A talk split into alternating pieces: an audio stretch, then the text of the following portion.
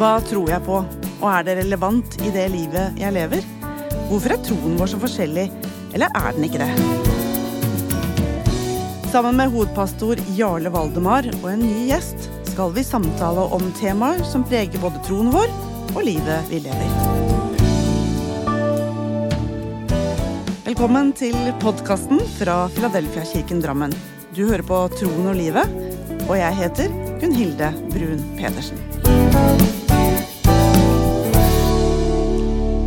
Velkommen eh, tilbake til alle seere og lyttere. Og det var jo faktisk litt gøy at vi klarte en podkast til før jul. Og i dag så sitter jeg her med, som vanlig, hovedpastor Jarle Valdemar. Men ikke minst så har vi besøk av Olaug Bollestad. Det syns jeg var veldig gøy. Det er kjekt for meg òg å være her. Ikke minst når Jarle kommer fra min heimplass. Jeg skulle til å si det. Har ikke Ja. dere litt samme dialekt? Snakker helt likt, men han knoter litt. Han knoter, det gjør ikke jeg. Nei, det gjør ikke du. Jeg Nei, håper jeg knoter. skjønner dere når dere begynner Ja. å bli veldig interne. Er dere fra samme sted? Eller, jeg har flytta til Ålgård, og han er født og oppvokst på Ålgård. Og jeg har vært ordfører på Ålgård, der han er vokst opp. Men, men var det der samtidig? Altså Kjenner dere hverandre fra før av?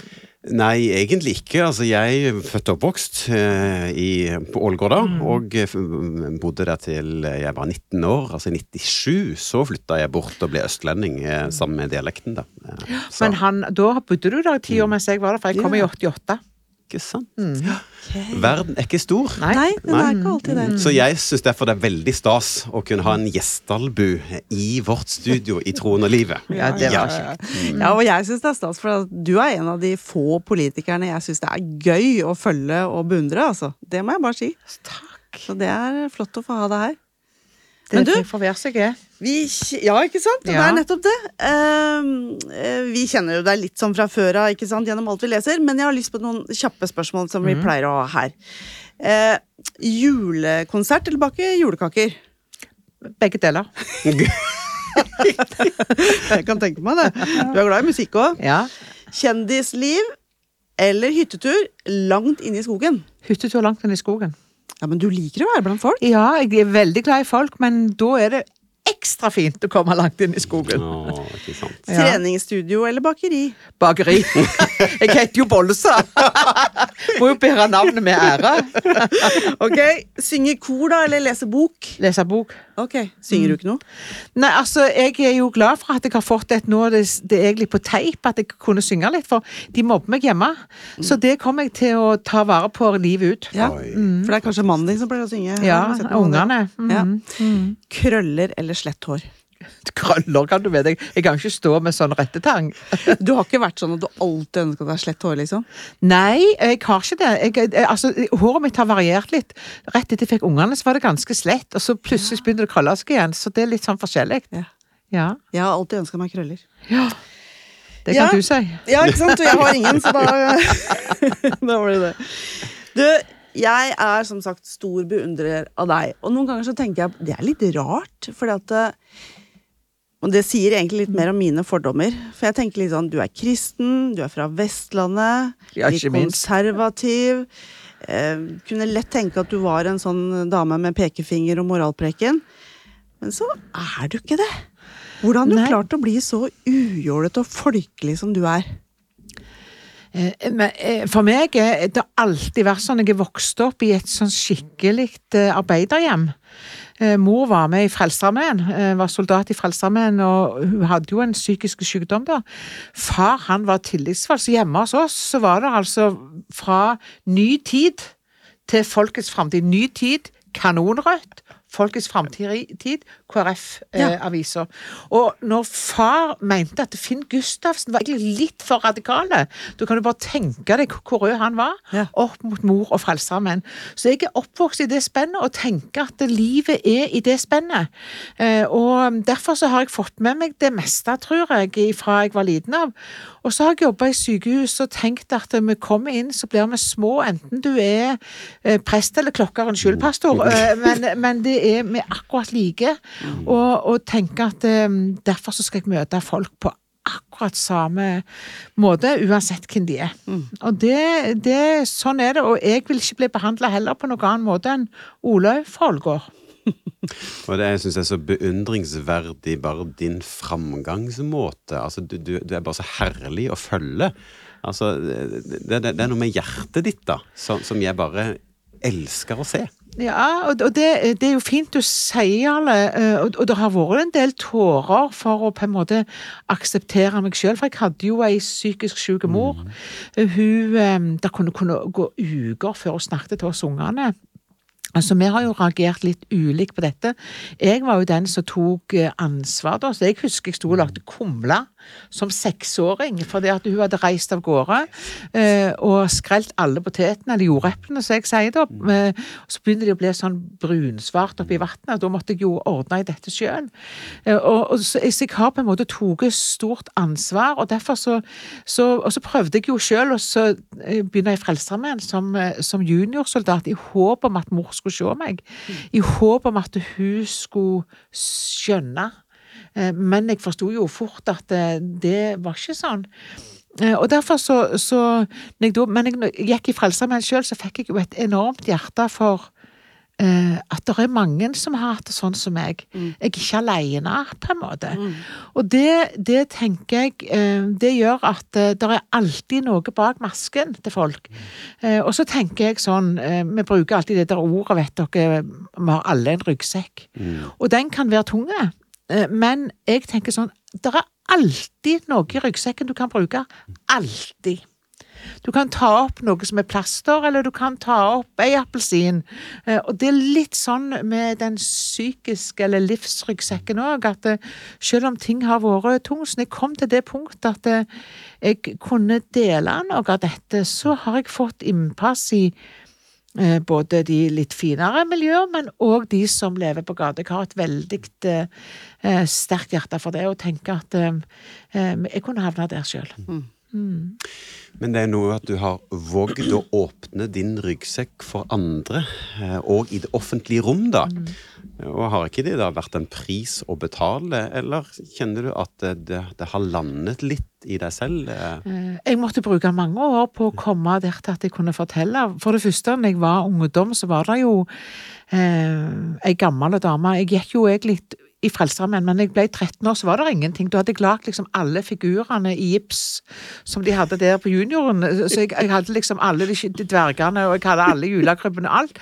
Så da jeg, tenkte jeg for å gå på bedehus, for der er det ungdommer. Em, men jeg var jo så glup at jeg gikk da på årsmøte på bedehuset. Det var jo ikke mye framtid og håp. Det var jo bare godt voksne menn med kransen og så blanke isser, så langt øya kunne se.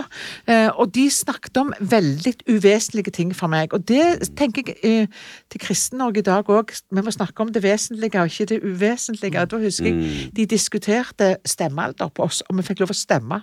For Stortinget hadde nemlig tatt ned stemmealderen fra 21 til 18. Og så diskuterte de, og jeg satt på bakerste benk. Jeg hadde da for sikkerhets skyld, jeg med så mye krøller, hadde cruise permanent.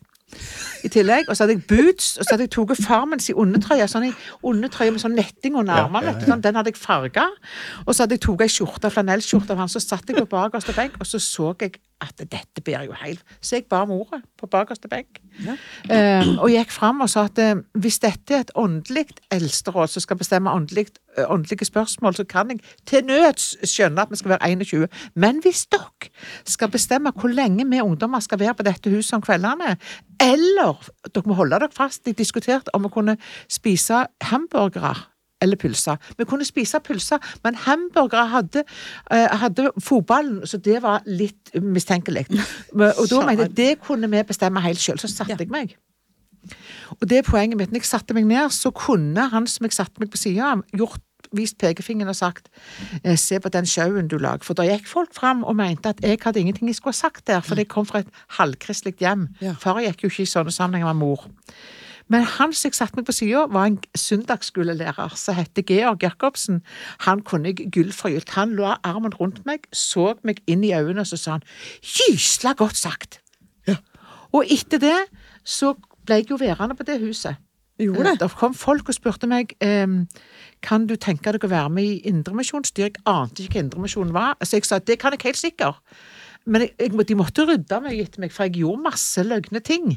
Men, Løgne ting. Ja, litt rart. Altså, jeg lette møter på feil måte i forhold til de som var garva der. Jeg valgte feil sanger til tema. Ja, jeg hadde altfor sprek musikk, og det var trommer Herlig. og alt det der. Men, men det det var alltid noen som holdt armen rundt. Og det har vært min livsstil etterpå. Ingen pekefing, vi legger armen rundt folk. Ja. Eh, og da blir folk værende, for folk er i stand til å ta gode valg sjøl. Men tar du pekefing, så velger de noe annet. Og det gjelder oss alle sammen. Ja, og det tenker jeg at det må vi som kirke holde høyt, rett og slett. Eh, Jeg som leder en kirke her i Drammen, altså det er, det er lett å komme med pekefinger. Ja, Eh, det er det. Og det har jo vært vår tradisjon, egentlig. Og derfor er det så fint at ah, Takk, Olaug. Altså påminnelsen om La oss tror leve raust med hverandre. Ja, men Ja. Olaug, du, du er jo fortsatt gæren. Det skjønner jeg jo, og det er jo herlig. jeg elsker å leke. Ja, ja, ja, og- elsker å leke. Og, og, men jeg regner med at du har fått litt pekefinger nå. Altså, jeg tenker på, Du har gått i Pride, du har vært eh, i sofa-TV, du har nå vært med på 24, til 24 Stjerners. stjerners kalender. Eh, Middag òg har jeg vært med fire stjerners middag en gang. Ja, ja. ja. du, du er ikke redd for å bli tatt inntekt for noe som du ikke står for, eller? Nei, eh, altså når jeg valgte å gå i pride, for å ta det som et eksempel, da, så er jeg dundrende uenig med Fri Ja. i mange av verdiene. Men jeg velger å legge armen rundt Mm. Ja. og de som tar andre valg Ja. enn det jeg er enig i, enn å vise pekefing. Det var grunnen. Folk skal ikke gå på åpen gate i Oslo, kikke seg over skuldra og lure på om de blir skutt Nei. fordi de har en annen legning enn meg. Det er jeg veldig opptatt av, for min, mitt oppdrag som politiker er å lage et samfunn for alle. De jeg er enige med, og de jeg er uenige med. Og derfor så hadde ikke jeg holdt min integritet i orden. holdt Jeg på å si. Jeg hadde gått mot meg hvis jeg ikke hadde gjort det eh, i år. Men det betyr ikke at jeg står for alt det som FRI eh, står for. Jeg har lyst til å si det. Eh, og, og så når det gjelder eh, ka, eh, denne kalenderen, så visste jeg jo egentlig mest ikke hva jeg gikk til. Jeg trodde jo jeg skulle bake pepperkaker og lenker og, og adventssanger og sånn. ja, ja, ja, Men så det tenker jeg Ja, vi gjorde jo det, og så var det jo en konkurranse. Og så tenker jeg Må vi alltid ta oss sjøl så gyselig høytidelig? Kan vi ikke være der folk er? Og så sier folk til meg eh, Ja, men du er jo masse med sånne eh, influensere. Det fikk jeg høre i går fra noen. Og jeg vet jo ikke hva influenser er, så jeg sa jeg er vaksinert, jeg. Sant? Sånn, jeg har vaksinert meg med influensavaksine i 20 år. Sant? Det, det, altså, jeg blir jo helt satt ut og sånn.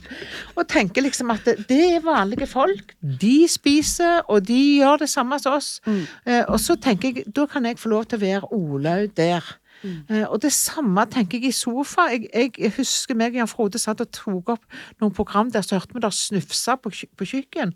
Da var det de som satt og tok opp, som syntes vi Jeg var så opptatt av Du, du husker jeg det var jenter som var født i, i feil kropp, og så husker jeg meg og Jan Frode diskuterte, så sier jeg til Jan Frode Trenger vi flere kjønn? Jan Frode, eller hva tenker du som spesialpedagog og førskolelærer?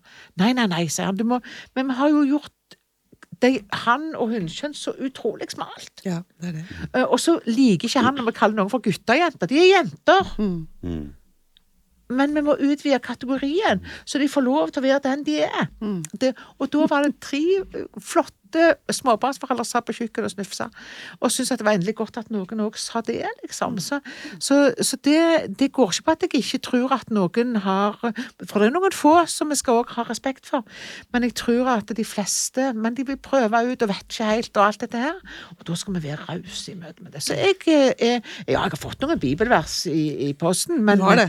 Ja, ja, men da Det er fint at de har omsorg.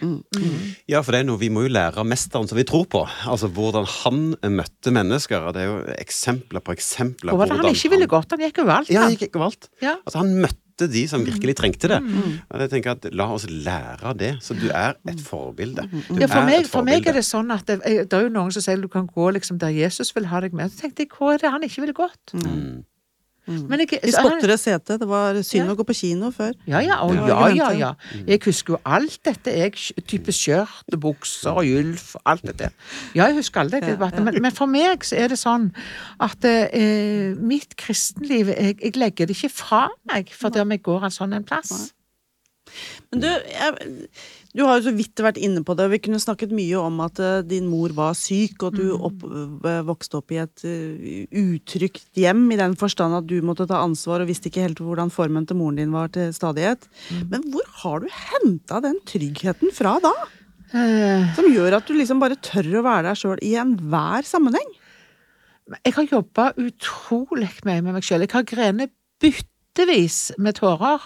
Um, men den som kanskje redda meg mest, det var når jeg var liten, så var det to personer, det var mange, men, men når jeg begynte på dette bedehuset, der var det et ektepar som het David og Ingeborg. Eh, De var ikke spesielt kule, det kan jeg si. David klipte Ingeborg, så hus, det var sånn skikkelig potteklubb. Det var sånn cutting foran og notting bak, nesten. Det var eh, helt rett av. Og så hadde hun kåpe på seg, og så hadde hun litt mage, sånn som jeg, så knytta opp beltet oppå magen, så magen så ut, så så ut som hun var gravid. Men hun var ikke det. Nei. De hadde ikke egne unger, men de hadde det utrolig enkelt hjemme. Ingeborg reiste seg aldri på bedehuset og sa noe. David snakket alltid. Men hun inviterte meg hjem til dem, og det husker jeg eh, som det skulle vært i dag. Uh, hun lukte opp, det var inni, det var en sånn divan, husker dere? Det var jo sånn sofa som ikke hadde ryggstøv, Ja. men det var sånn og så sånn, sant? Og så var det uh, et stort spisebord uh, lagd i eik, som David hadde lagd. Eh, og hun hadde lagd jødekaker, det er nesten ikke lov å si det, vet du, men det, jødekaker heter det jo i Rogaland. Ja, det. Det og det er lagd av uh, utrolig mye hornsalt, så hun hadde hornsalt. Så når jeg kom inn og hun hadde lagd jødekaker, så hadde jeg jo ikke nesespray på tre uker, for det var sånn sa det, for det var så mye, det var så mye hjortetak, vet du, sant? Det, Hornsal? Og så var det melk og smør og sukker i dette. Det er jo også det sukker oppå. Så det er jo ikke mye godt i det egentlig, eh, dette her greiene. Men det, det er ei kake vi spiser jul og året rundt, egentlig, i Rogaland. Ja. Og så hadde du sitronbrus. Men det var jo ikke det viktigste. Det var ei voksen dame som hadde tid for meg. Og hun fortalte meg om at mor er syk, sant. Eh, Mor Altså eh, hun fortalte deg at din ja, mor var ja. syk? Hun vil aldri, hun klarer aldri å se deg, Olaug. Du må ta utdannelse, sant. Ja. Og så husker jeg at far var ikke kristen da, så husker jeg det var vekkelse hjemme, sant. Og jeg husker jeg gikk fram til alterringen nesten hver kveld, jeg. Eh, For jeg var jo så bekymra for far, for de sa så mye løye. De sa eksempel at når himmelen er rød over byen, da kommer Jesus igjen. Jeg var jo livredd hver gang, for himmelen var jo alltid rød når sola gikk ned, sant. Eh, Og da har jeg Ingeborg forklarte liksom at det er bilder, sant. Eh, Eller når de sa to ligger i samme seng, én tatt med og én tilbake, sant. Så gikk jo jeg hjem med redsel, for far var nemlig det tryggeste jeg hadde. For han var ikke kristen. Nei, Nei. men han ble kristen på slutten, for han sa til meg når han lå for døden, så sa han jeg tror det samme som mor di. Nå kan dere spille at de være der ære i begravelsen min, men jeg har aldri gått i kirke og bedehus. Nei. Og det tenker jeg vi òg skal ta med oss, at det der er mange som vi ikke vet om. Jeg tenker vi blir overgitt når vi kommer hjem en gang, at 'å, gutt, er du òg her'? Eh, sant? Fordi at, at vi har noen forestillinger av hvem som er med på veien, og hvem som ikke er med på veien. Men det har vi ingenting med. Det er det kun en som har noe med, tenker jeg. Og det er jeg veldig opptatt av. Mm. Eh, Da har jeg lyst til å skyte inn, Olaug, at slik jeg kjenner deg og din rolle, så føler jeg at du er en Ingeborg i det offentlige rom. Ja. Eh, At du åpner døra di for at folk skal få lov å komme nær til deg og få lov å få den eh, armen på, på, skulderen. Ja. Så takk. Takk for at du åpner opp for livet ditt, altså gjennom sosiale medier og gjennom det du er og gjennom det du gjør. Tusen takk, altså. Jeg, jeg, tar- jeg tenker jo ikke bevisst på at jeg gjør det, men jeg, jeg, jeg, jeg vet jo hva det betyr, og jeg tenker inn i et moderne samfunn som vi er i nå. Hvor folk blir pensjonister, og er kjempespreke med pensjonister. Så jeg har sagt til Jan Frode når meg og han skal gå av med pensjon en eller annen gang, så, så håper jeg at, blir, at vi blir et hjem som ikke er så opptatt av uh, øh, alt det plysjen og, og fine border og snipp og snapper rundt forbi. At jeg har plass i heimen min. Det vanner i om det er litt støv og hundehår og alt mulig. Hvis vi har plass og tid. For det er vanlige folk som hjelper vanlige folk, og det tror jeg på er en god uh, samfunnsbygging. Det er kult å høre på det. Eh, ehm, men kan vi gå over til noe som er trist? Ja. Altså, jeg har jo nå lest litt om deg og hørt deg snakke og fortelle, og boka di som eh, heter 'Snakke sant om livet', Eh, og du sto jo fram og fortalte at du opplevde et overgrep overgrep i kristen sammenheng fra en misjonsleder. Hva var det? Nei, han var jo kjempekjent. Det var vekkelse og nådegavebruk og alt mulig. Og så hadde han ei annen side. Så det var veldig mange som så den vekkelsessida, den hvite sida, som jeg sier. Ja. Men vi var noen som så ei annen side. Så han hadde Jeg var ungdomsarbeider i, i den kristne organisasjonen, og så hadde han flytta mange av tingene som vi trang som ungdomsarbeider, inn på sitt kontor.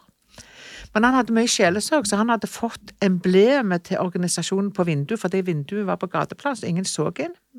Men det var jo fantastisk, syns styret, at det var kommet emblem på Tenk å stå for noe, lys og salt i verden. Så det var emblem på vinduet. Så fikk han lydtette dør eh, av det styret, fordi han hadde så mye sjelesorg. Og så fikk han rød lampe, sånn at han kunne vise når det var sjelesorg. Så når du gikk inn for å hente ting, da, så gikk den røde lampen på, og lydtette dør. Nei. Og som ung jente så, så skulle jeg inn og hente noe. Jeg husker ennå jeg hadde brune klær på meg. Mm. Så det gikk veldig mange år før jeg kunne Det bare en tre år siden jeg har begynt å gå med brune klær igjen.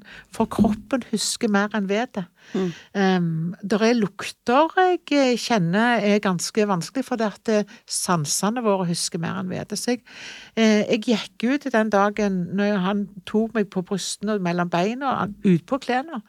Eh, Men jeg kan ennå lukke liksom øynene og kjenne liksom denne pustinga og den lyden. Og, så hadde han sånne bukser vet dere, som det var sydd eh, sånn press på. De sydde press istedenfor å ha sånn Ja. dampete press. Ja.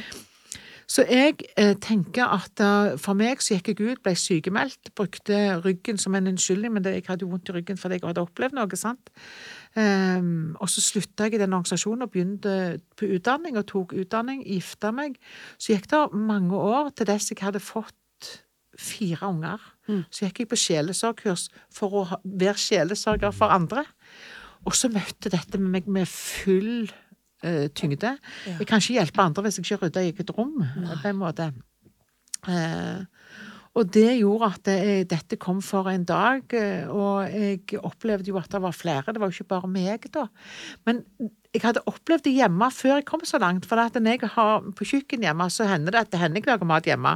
Uh, ja, Frode er god til å lage mat, men eh, jeg sto liksom en Jeg har en innhugg på kjøkken der, der jeg har liksom komfyren og grytene bak meg i kjøleskap og alt der maten er. Så jeg slipper å gå så langt. Jeg er praktisk, vet du. sant? Uh, uh, jeg liker jo ikke å gå på treningssenter, sant? så jeg er praktisk.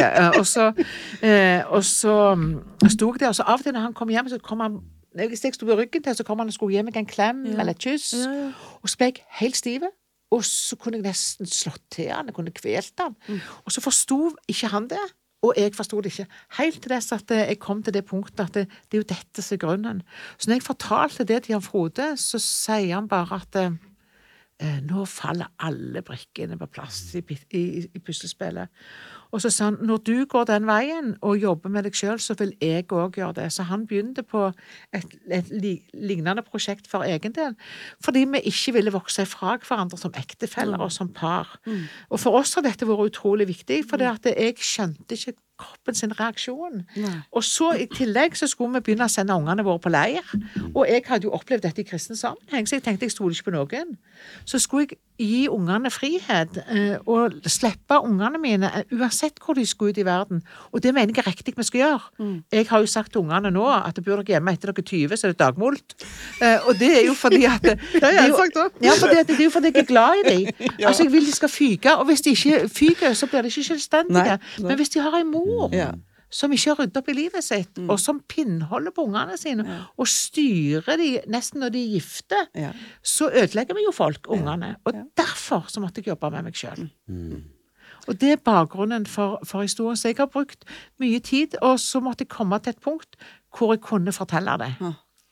Eh, og det, Jeg hadde vært i noen pastorsammenhenger, faktisk.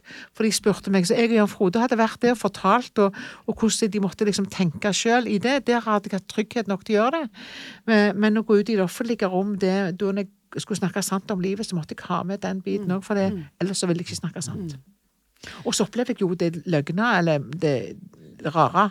Ikke løye, men det løgna. Det. Ja. Ja. Eh, er jo at det folk Det er, jo- der er jo dette i alle sammenhenger. er. Jeg har fått så masse Jeg måtte jo ringe til Kirkens eh, senter for vold og overgrep og spørre, og spørre om de kunne ta imot noen av samtalene etter boka kom. Det er fra alle miljø, òg fra KrF, fra, fra menigheter, fra eh, organisasjoner, fra politikken. Så, så jeg tenker at um, noen må tørre for at vi skal få dette, og for vi vil ikke ha det sånn. Jarle, er vi naive der? Altså, vi tenker jo alltid at det er trygt i Ja, kristne Og spesielt i kristne sammenheng. Ja, vi gjør jeg det. At, ja, Og vi skal her er det- tenke sånn Ja, ja, vi skal jo, det skal vi jo. Men der det er makt, der Mm. kan det òg skje maktmisbruk. Så enten altså det er eh, maktposisjonen eh, som gjør det, eller seksuelt Mm. misbruk. Altså, det kan skje, og vi må ikke være naive heller.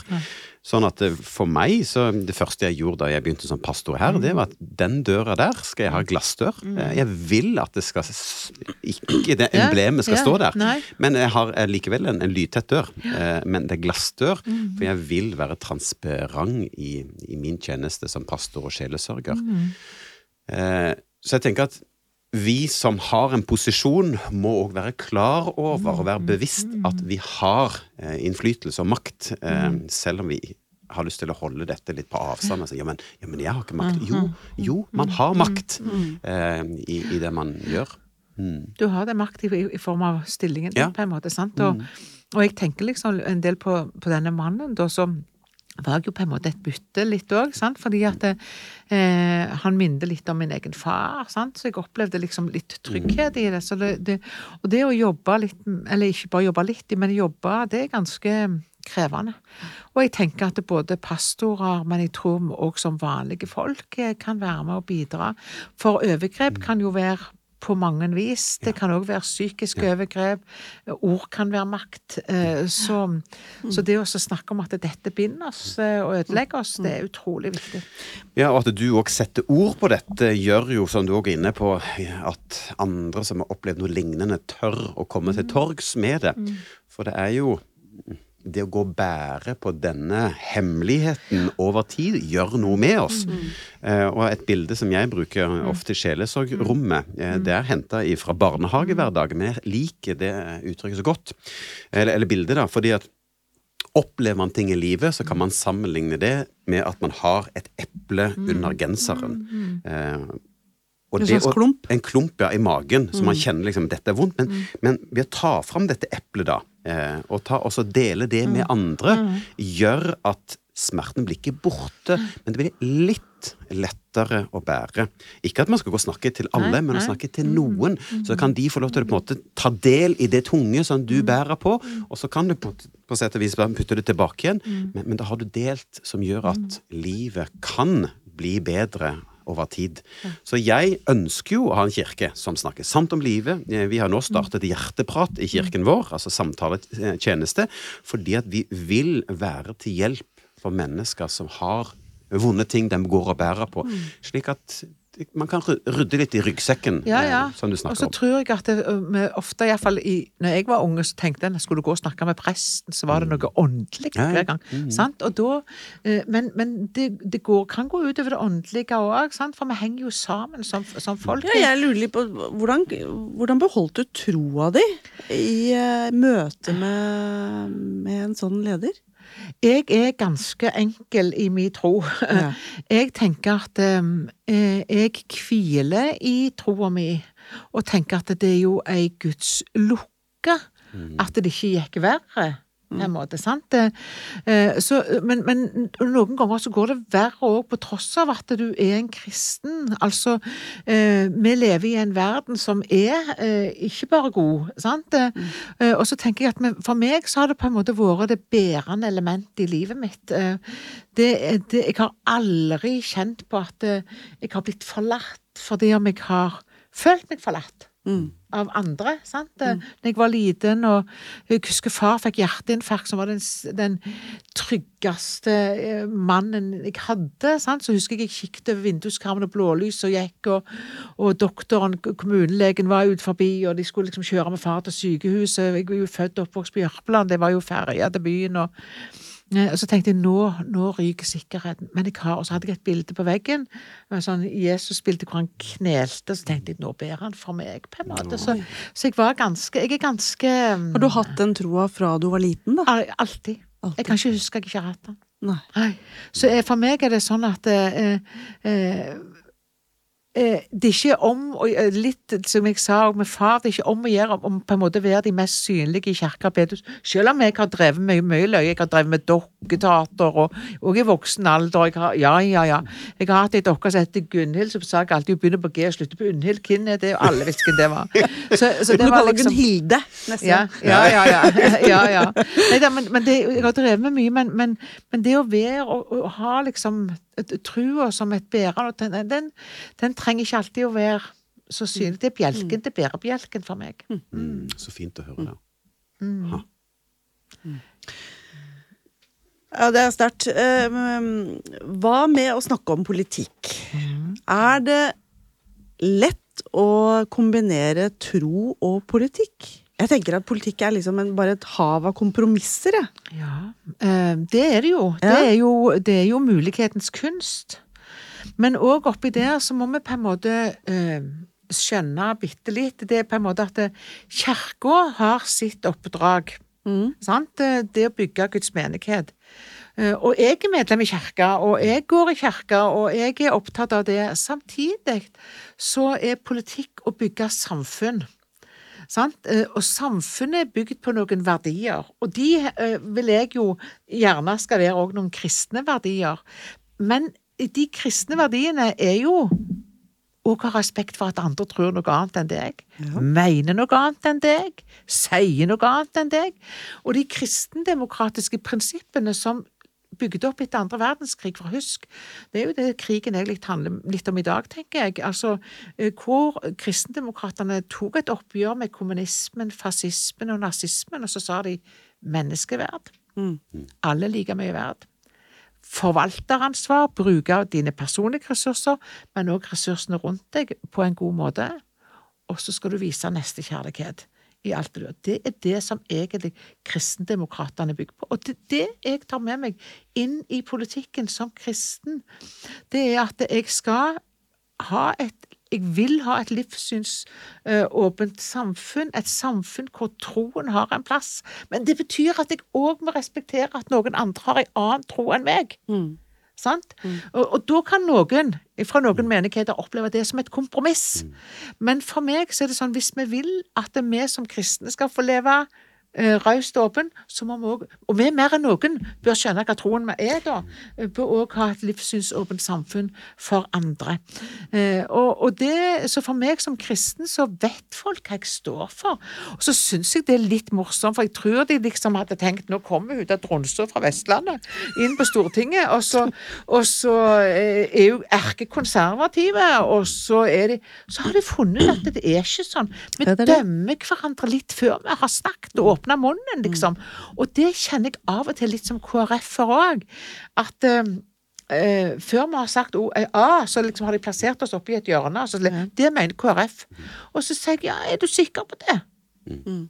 Fordi at eh, jeg ønsker at folk skal oppleve at det å være kristen, og det å være en kristen politiker, er jo å lage et samfunn hvor folk klarer å ta valg, men jeg legger armen rundt dem og legger til rette for.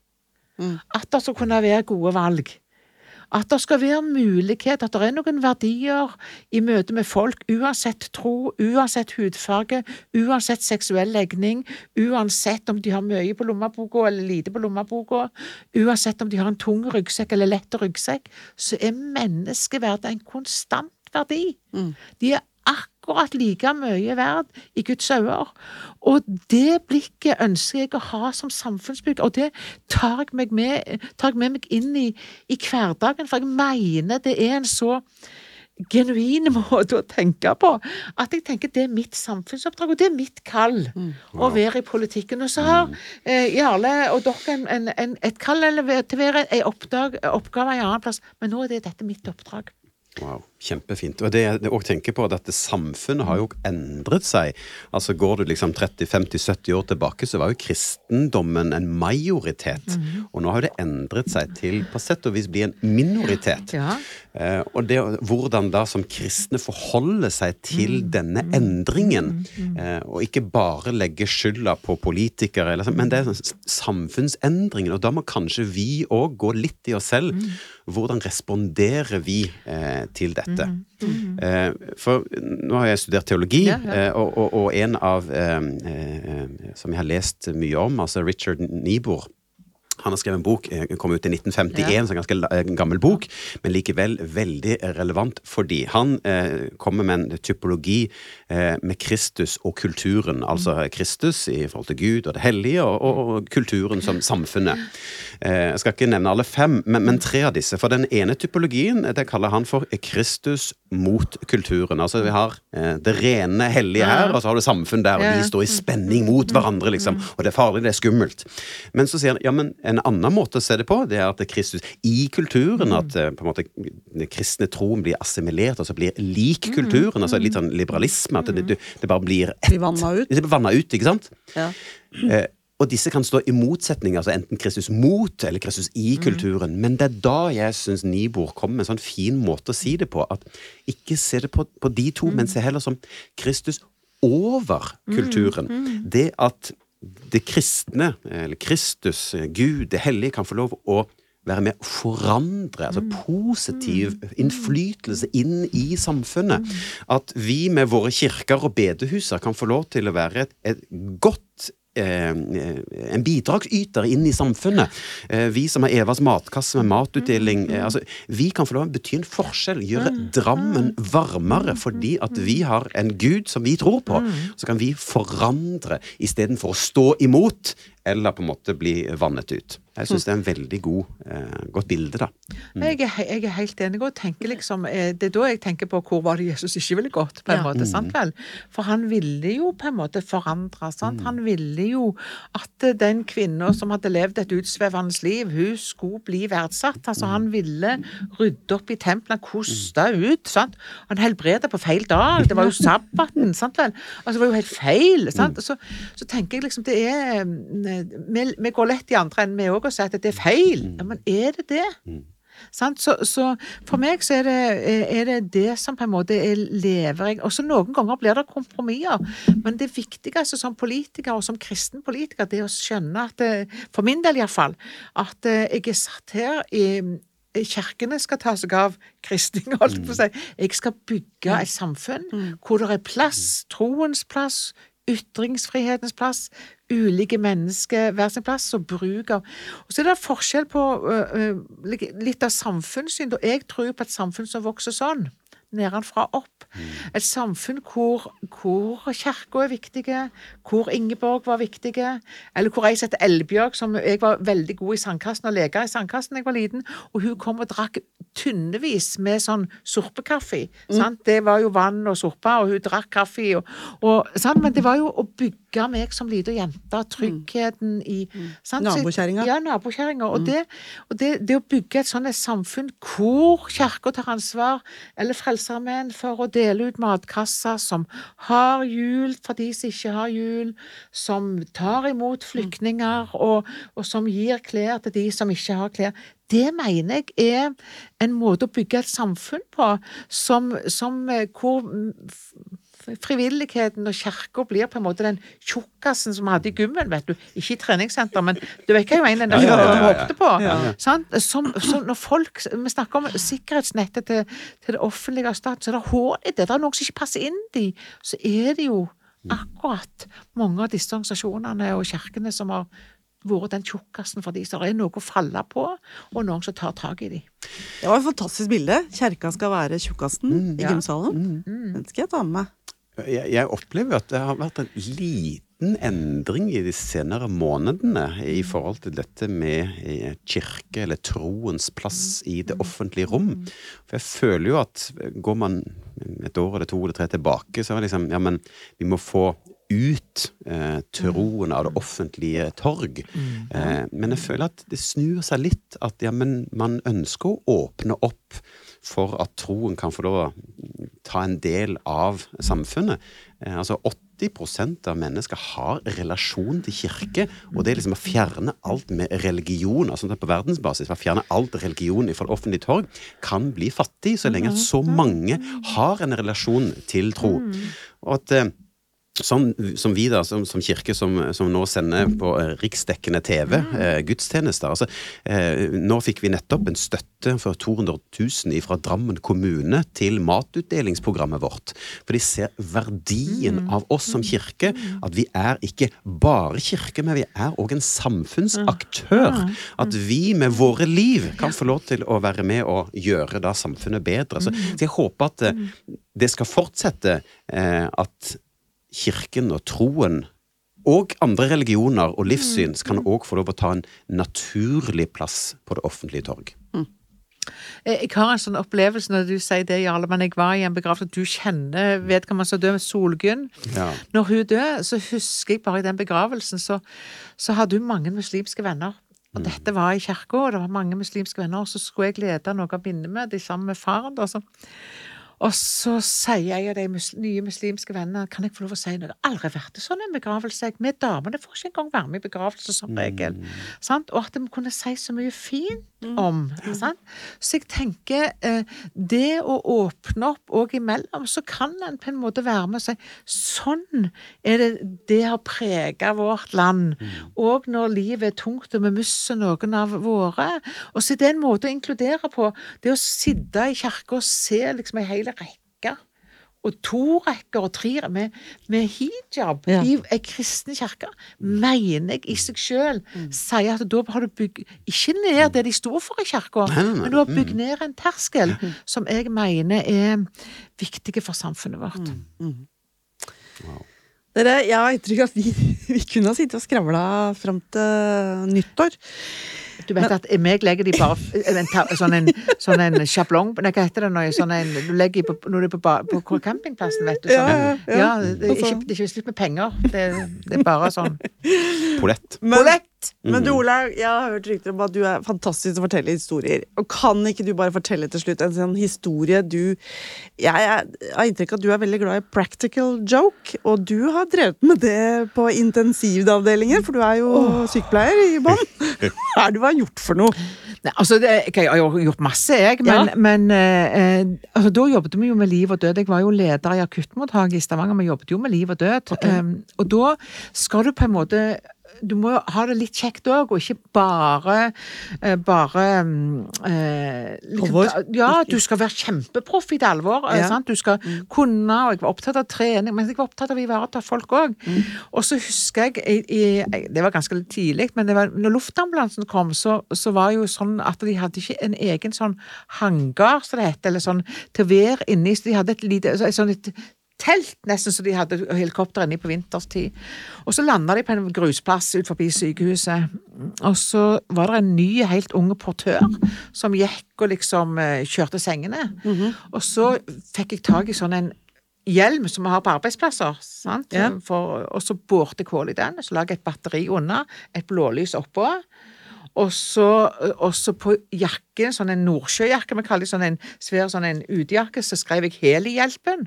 Og så sa jeg til han portøren at eh, når du, når du, skal ned på, på, og hente pasienten på båra, så, så, må du ta på deg hjelmen, og så må du ha på lyset, for de fyker jo bare etter sikt. Eh, de har jo ikke navigeringssystem oppi dette helikopter, så de må, du må vise, alle, så, så, lander de rett på deg når du ja. står i den mørkeblå jakken. Ja. ja. ja men det var greit. Så han sto jo, det lyste jo i hele byen, dette blåfløyet. Så han sto på landingsplassen og hele hjelpen på jakken, og han var helt klar til å ta imot de syke pasientene som kom i luftambulansen. Um, så det var veldig Så hadde jeg batteri på innsida, så det var litt strøm i dette batteriet, så det var jo nydelig. Det var derfor jeg borte holde. Det var jo sånn du finner på sånn der og da? Ja, ja. Det, må jo ha litt humor. Det, det vi har hatt masse i det. Vi har kledd ut folk, og vi har eh, Jeg har vært med på mye, men det, det, jeg har alltid vært opptatt av at det skal være en forbi på en måte grensa, men litt over grensa har jeg gjort det av og til. Ja, litt over grensa. Bare bitte litt. Ja. Jeg har lyst til å spørre, Her sitter vi med to mennesker som er opptatt av familieterapi. Du, mm. har, eh, du og mannen din i, hjelpe folk litt? eh, Eller Ja. drive litt kurs? Ja, vi, vi har gjort det. Nå er det mange år siden fordi at jeg har hatt et så hektisk liv. Men vi har, jeg husker meld, jeg meldte jo oss på familiekurs, eller familieterapikurs um, til Olavsrud, Ole Magnus Olavsrud, um, på Birkeland folkehøgskole. Han syntes det var Jan Frode syntes det var, var det nødvendig. Um, et godt ekteskap, har vi ikke det? sa Ja. han. Så sa jeg, vet du at et godt ekteskap kan alltid bli bedre, sa jeg. Og så reiste vi, ja, jeg kan være sjåfør, husker jeg han var liksom opptatt av. Men det ble mange kurs, vi var der som hel familie, og mm, det, det løye med det, du, det å lære å både ta opp ting, men òg forstå hverandre sin historie. Sant? Eh, Jeg hadde min historie med mor og med far og alt dette. Jan Frode hadde sin historie, og av og til så krasjer jo det. Han var jo oppvokst vet du, med at du feirte nesten når du fikk en ny paraply. Du feirte jo alt. sant? I bursdager mange dager til ende. Mens jeg hadde aldri hatt barneselskap som liten. Og når vi da fikk fire unger, fest i barnehagen, fest hjemme, fest med familien, fest med de sida, mi sida, våre sida, og venner alt, sånn, Jeg var ikke vant med alt dette. Jeg. Sånn at det, det, og, og hvis ikke du på en måte snakker om noe av dette, så, så, så blir det fort en en, hva skal jeg en stein, eller et eple, som du sa, da, Jarle, i et forhold. Altså det å skjønne oppdragelse, så, så må du òg rydde, tenker jeg, må, hva er det du vil ha med deg hjemmefra, og hva du ikke vil ha med deg hjemmefra. Sånn, det er noe jeg ikke vil ha med òg. Eh, og det måtte Jan Frode òg gjøre. Så måtte vi bygge vårt. Bare en sånn ting som vi gifte oss. sant vel? Og så eh, hadde han mor og far og mine foreldre på Bjørpland. Skal vi gå hjem til, til foreldrene våre hver søndag? Svigermor forventa det. Kan ikke det. Jeg jobber tre hver helg, og så skal vi hjem til foreldrene dine neste helg. Når skal vi ha venner? Altså, sant? Sånne ting kan fort bli ganske store snøballer. Så vi har eh, jobba med både det, men, men òg med tro. Vi har ulike opplevelser med tro. For eksempel så er Gud en god far for meg. Det var et ganske krevende bilde for Jan Frode, for han hadde en far som var ikke fullt så god. Sant? Så liksom det gudsbildet kan endre seg, og dermed òg trosforhold og det fellesskapet i et ekteskap. Så eh, jeg tror jo på dette, jeg, da. Eh, og så ble vi veldig nær knytta til hverandre når jeg holdt på å miste han i 2000 med den hjerneblødningen. Så, så ble det Da visste vi på en måte hva vi hadde. Sant? Så da husker jeg han sa eh, det er jo mest ikke til å si høyt engang, vet du, men jeg sier det nå. Eh, eh, men han sa at jeg vil, ikke, jeg vil at de og de skal bære kista, og ikke far, akkurat nå. Ja. hvis jeg dør. Og så sa jeg det hva ha skriftlig. For det at eh, jeg vil ikke ta ansvar for det, det er du som valgte det. Hvis det. Ja. Sånn? Og det var, det, men det ordnet, hadde ordna seg helt sikkert hvis det, når det gikk en stund, at var foregående bedre, men det var der og da. Mm. Og det å på en måte forstå noen av de tingene som er i oss i ekteskapet, er ekstremt viktig. Og påføre med ungene våre noe. Og av og til så blir det jo sånn at jeg kikker meg i speilet og tenker fytti grisen, så liker jeg er mor Jeg se til. Underhåkene er helt like, og skrukkene er like, og sånn. Og så er det noe du ikke vil ha med deg, på en måte. Sant? Men da er Og det sånn lurt å sette ord på det. Ja, og det er kjempelurt, og det har vi brukt mye tid på.